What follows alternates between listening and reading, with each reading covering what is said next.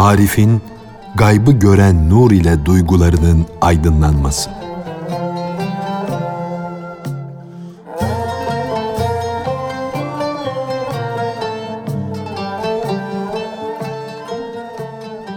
Hak yolunda yürüyenlerden biri, duygularından birinin bağı çözülür de biraz manaya vakıf olursa, diğer duygularında da değişiklik olur.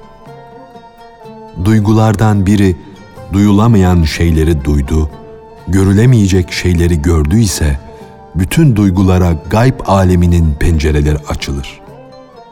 Nasıl ki sürüden bir koyun sıçrar da derenin öte yanına atlarsa, onu gören sürüdeki başka koyunlar da birbiri ardınca o yana atlarlar. Sen de duygu koyunlarını güt, yaylaya gönder de, yaylağı yeşertti yaylasında yay, otlat.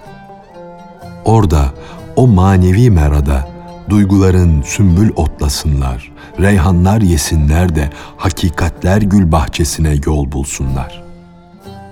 Böylece senin her duygun duygulara peygamber olsun da bütün duyguları çeksin, cennete götürsün.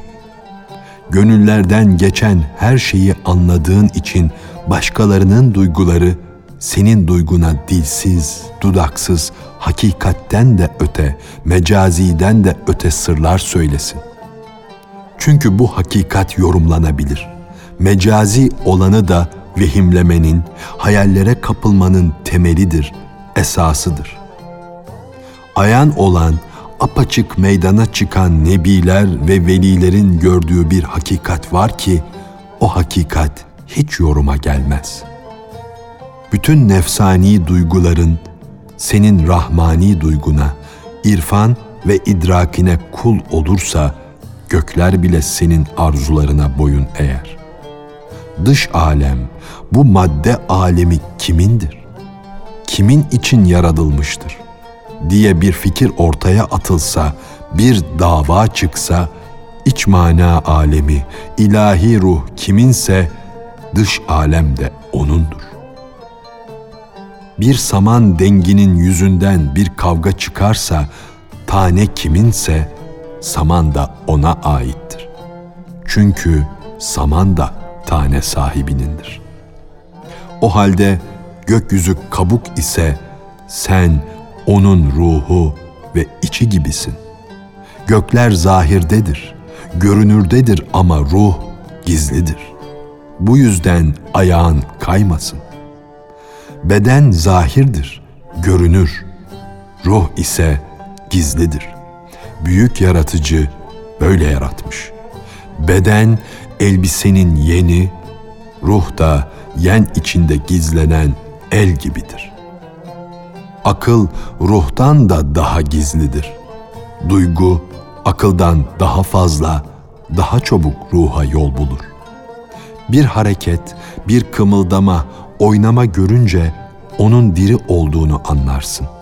Fakat bu hareket arzuların, ihtirasların yönettiği hayvani ruhtan mıdır yoksa akıldan mı bunu bilemezsin. İnsan uygun, ölçülü hareketlerde bulunursa, bakır gibi hareketli bilgi ile altın eylerse, yani uygunsuz hareketlerini uygun hale sokarsa, yen içinde gizlenmiş elin yani ruhun normal, uygun hareketlerinden onun akli olduğunu anlarsın. Kendisine vahiy gelen ruh akıldan daha gizlidir. Çünkü o görünmez alemdedir. O yandandır, ötelerdendir. Hazreti Ahmet sallallahu aleyhi ve sellemin mübarek aklı kimseye gizli kalmadı. Herkes o mübareğin akıllı olduğunu biliyordu. Fakat vahyindeki ruhi, ilahi bilgisini her canlı anlayamadı. Vahiy ruhuna ledünni ilme uygun hareketler de var. Var ama onlar pek üstündür, pek yücelerdedir. Akıl onları kavrayamaz. Çünkü o üstün hakikatler mana aleminin ötelerindedir. Akıl oralara ulaşamaz. İnsanın aklı vahiy ruhunun uygun hareketlerini bazen delilik, kaçıklık gibi görür. Bazen de onlara hayran olur, şaşırır kalır. Çünkü bu yüksek hakikatlerin anlaşılması için aklın da o dereceye yükselmesi, daha doğrusu aklın ruh olması gerekir. Hızır aleyhisselamın vahiy ruhuna, ledünni ilme dayanan bazı davranışlarından, yaptığı işlerden Hz. Musa'nın aklı bulandı. Hızır'ın yaptığı bazı işler Hz. Musa'ya uygun gelmedi. Çünkü Musa peygamberdi ama onda Hızır'ın hali, Hızır'ın sezişi yoktu. Bu yüksek hakikatler karşısında bu gizli işlerde Kelimullah olan Musa'nın aklı bile körleşir kalırsa, ey akıllı fikirli geçinen kişi, söyle bakalım, farenin aklı ne işe yarar? Zahiri bilgi, taklitten doğan bilgidir. Satılık mal gibidir. Bu bilgi sahibi, müşteri bulunca bilgisini satar. Fakat tahkik ilminin yani gerçek ilmin müşterisi haktır. Onun satışı ve alışı daima parlaktır. Gerçek ilim sahibi dudaklarını kapamış, sessiz durduğu halde alışverişini kendinden geçmiş, mest bir halde yapar durur. Çünkü müşterisine hudut yoktur. Onun müşterisi Allah'tır. Adem Aleyhisselam'ın dersine de melekler müşteridir. O derse şeytanlar ve cinler mahrem değildir. Ey Adem! Adları onlara haber ver, dersini okut. Hakkın sırlarını kıl yararcasına inceden inceye anlat. Allah insana ihtiyacı kadar uzuv vermiştir. Ve insan düşünceler ırmağı kenarında oturmuş, o da diğerleri gibi düşünüp durmaktadır. Kısa görüşlü, daima renkten renge giren, kararsızlığa alışmış kişiler için fareye benzer demiştim. Çünkü onun yeri topraktır. Geçim yeri topraktır. Fare birçok yol bilir.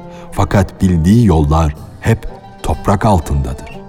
O her tarafta toprağa oymuş, delik deşik etmiştir. Fareye benzeyen nefis de ancak lokma peşinde koşar. Lokma kemirir. Zaten fareye de ihtiyacını temin edecek kadar akıl verilmiştir. Çünkü Cenab-ı Hak hiç kimseye ihtiyacı olmayan, işe yaramayan bir şey bağışlamaz. Eğer yeryüzünde yaşayanların yeryüzüne ihtiyaçları olmasaydı, alemlerin Rabbi yeri hiç yaratmazdı.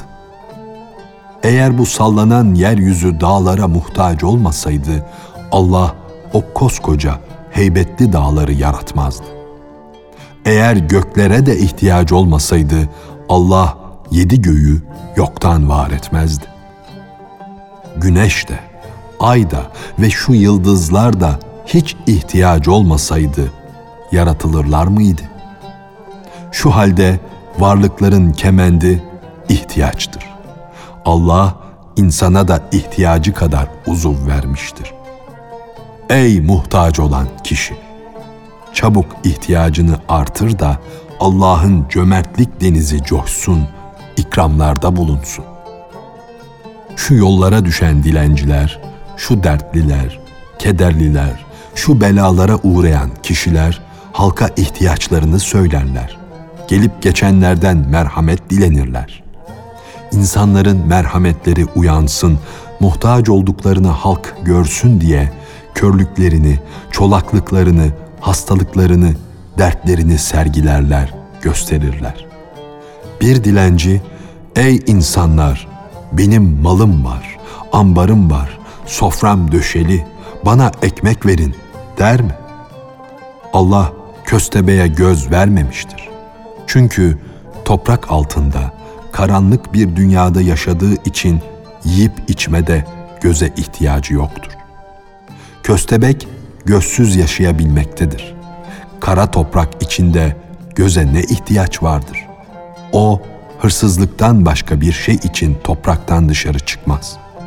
Allah onu hırsızlıktan kurtarsa, arındırsa, yani ona kötü huylarını terk ettirse, ondan sonra o kanatlanır, bir kuş olur, melekler gibi gökyüzünde uçardı. Her vakit Allah'ın şükrü gülşeninde bülbül gibi yüzlerce nameler çıkarır da derdi ki, Ey beni çirkin sıfatlardan yani köstebeklikten kurtaran ve ey cehennemi cennet haline koyan Allah! Ey gani olan Allah! Sen bir küçük yağ parçasına yani göze aydınlık ihsan edersin. Bir kemik parçasına yani kulağa işitme hassası verirsin. Görmek ve işitmek gibi manaların bedenle eşyayı anlayabilmenin de adları ile ne ilgisi vardır? Zaten söz yuva gibidir, mana ise kuş gibi. Beden ırmak yatağı, ruh da ondaki akarsuya benzer. Ruhun sembolü olan su akıp gitmededir. Sen ise duruyor dersin. O koşup gitmededir, sen ise oturmuş kalmış dersin.'' suyun derelerden, arklardan akıp gittiğini görmüyorsan, onun üstündeki yeniden yeniye yığılan şu çer çöp nedir? Hiç değilse onlara bak. Ey insan, senin çer çöpün de düşüncelerindir. Her an sana dokunulmamış, alınmamış, kız oğlan kız, çeşitli şekillere bürünmüş düşünce gelir gider.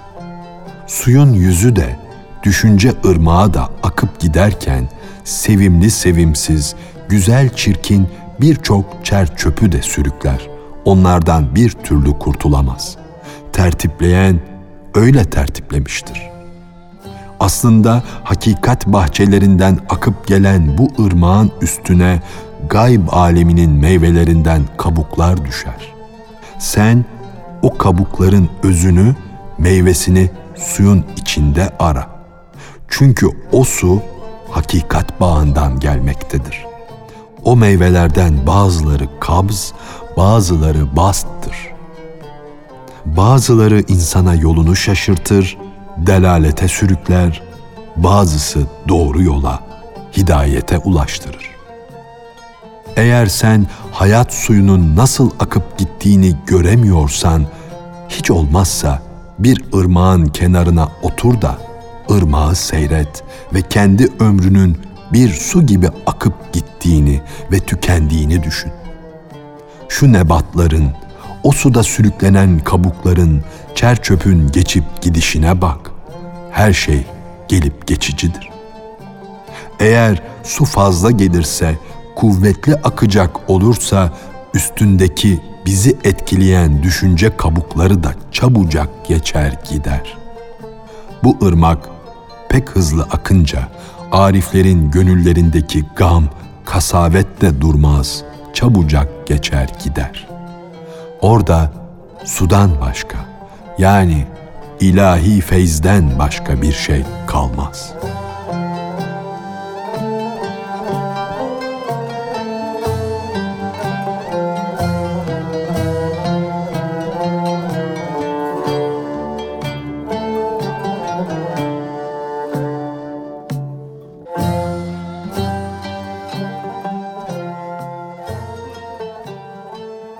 Yabancının, bir hal bilmezin, bir şeyhin aleyhinde bulunması ve müridinin de ona cevap vermesi.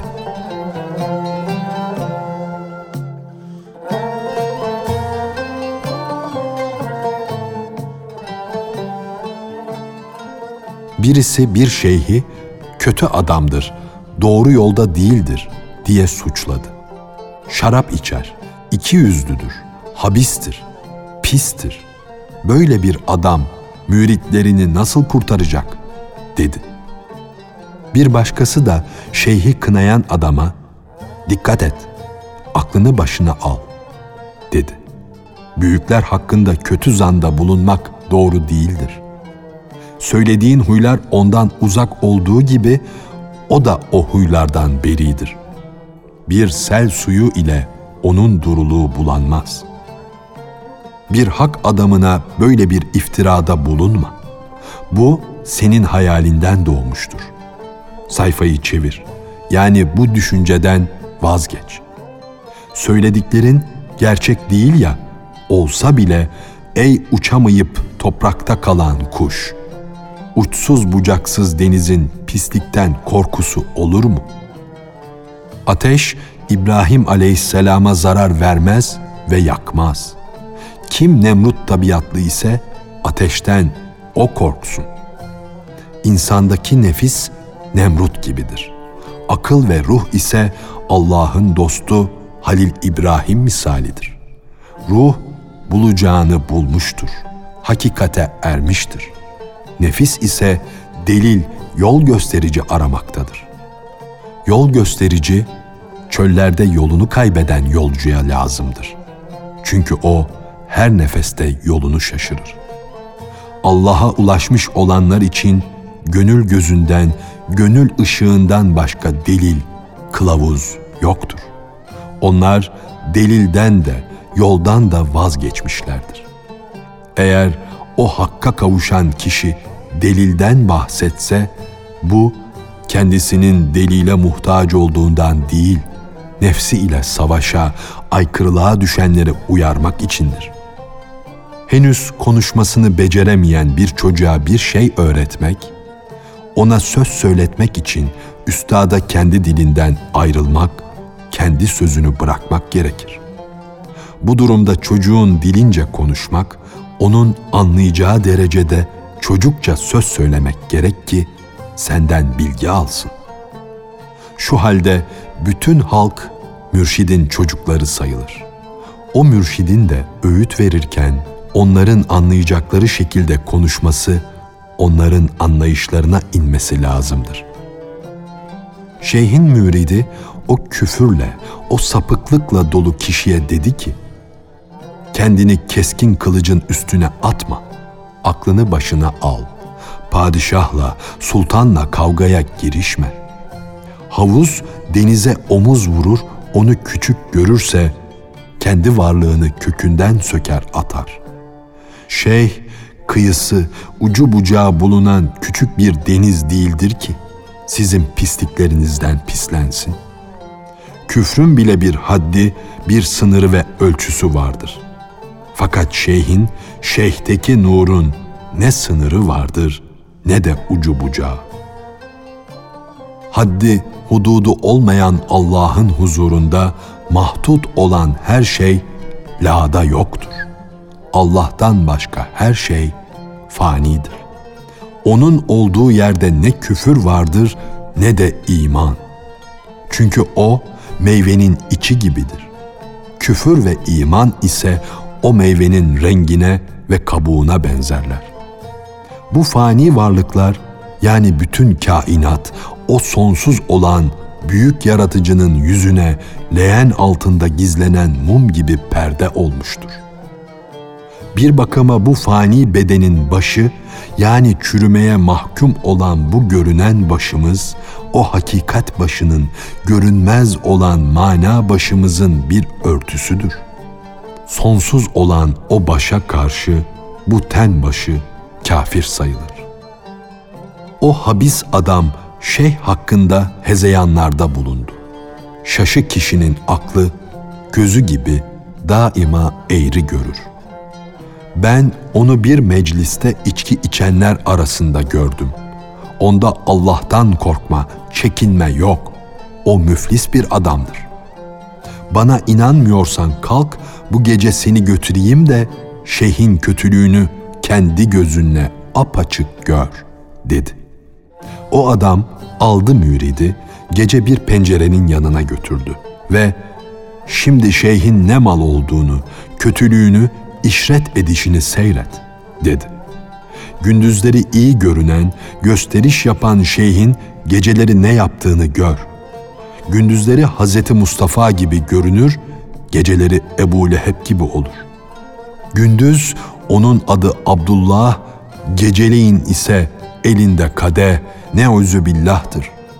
Mürit o şeyhin elinde dolu kadehi görünce kendini tutamadı, içeri girdi. Şeyhim, sende de mi yalan var? Sen demiyor mu idin ki şeytan şarap kadehine hemencecik işeyi verir, onu pisler? Şeyh cevap verdi de dedi ki, kadehimi öyle doldurdular ki, içine değil şeytan sidiği, bir üzerlik tohumu bile sığmaz. Bir bak da gör, bu kadehe bir zerre bile sığar mı? Sözü yanlış anlamış ve aldanmışsın. Bu görünen kadeh ve bu şarap bilinen şarap değildir. Bu kötü düşünceleri, bu ayıplamaları gaybı gören şeyhten uzak tut. Ey boş şeyleri konuşan kişi! Şarap kadehi şeyhin kendi benliği, varlığıdır. Oraya şeytanın idrarı sığmaz. Şeyh, hakkın nuru ile dudağına kadar doludur. O, beden kadehini kırmış, baştan başa nur olmuştur. Güneşin nuru pislik üzerine düşmekle pislenmez. O yine aynı nurdur. Şeyh dedi ki, bu elimdeki ne senin bildiğin şaraptır ne de kadeh. Ey inkarcı, gel de buna bir bak. Mürit geldi, şeyhin elindeki kadehi aldı. Onun saf balla dolu olduğunu görünce müridi oraya getiren o hak düşmanı şaşkınlığından kör oldu. O sırada şeyh de kendi müridine git bana şarap ara, şarap bul getir. Çünkü bir hastalığım var. Ağrıdan, sızıdan ölecek gibiyim. Bu ağrıları gidermek için şarap içmek zorundayım. Zorlukta her pis şey temiz olur. Velileri inkar edenlerin başına lanetle toprak yağsın. O mürit meyhaneleri dolaştı ve şeyhe götürmek için her küpün içindekini tattı. Fakat bütün meyhanelerdeki şarap küplerinde şarap bulamadı. Çünkü bütün şarap küpleri balla dolmuştu. Ey rintler! Bu ne hal, bu ne iş? Hiçbir küpte şarap göremiyorum, bulamıyorum, dedi. Bunun üzerine bütün rintler ağlaya ağlaya, ellerini başlarına vura vura şeyhin yanına geldiler. Ey büyük şeyh dediler. Ayağının kuvvetliliğinden bütün şaraplar bal oldu. Şarabı murdarlıktan döndürdüğün, bal yaptığın gibi ruhlarımızı da manevi pisliklerden döndür. Arıt.''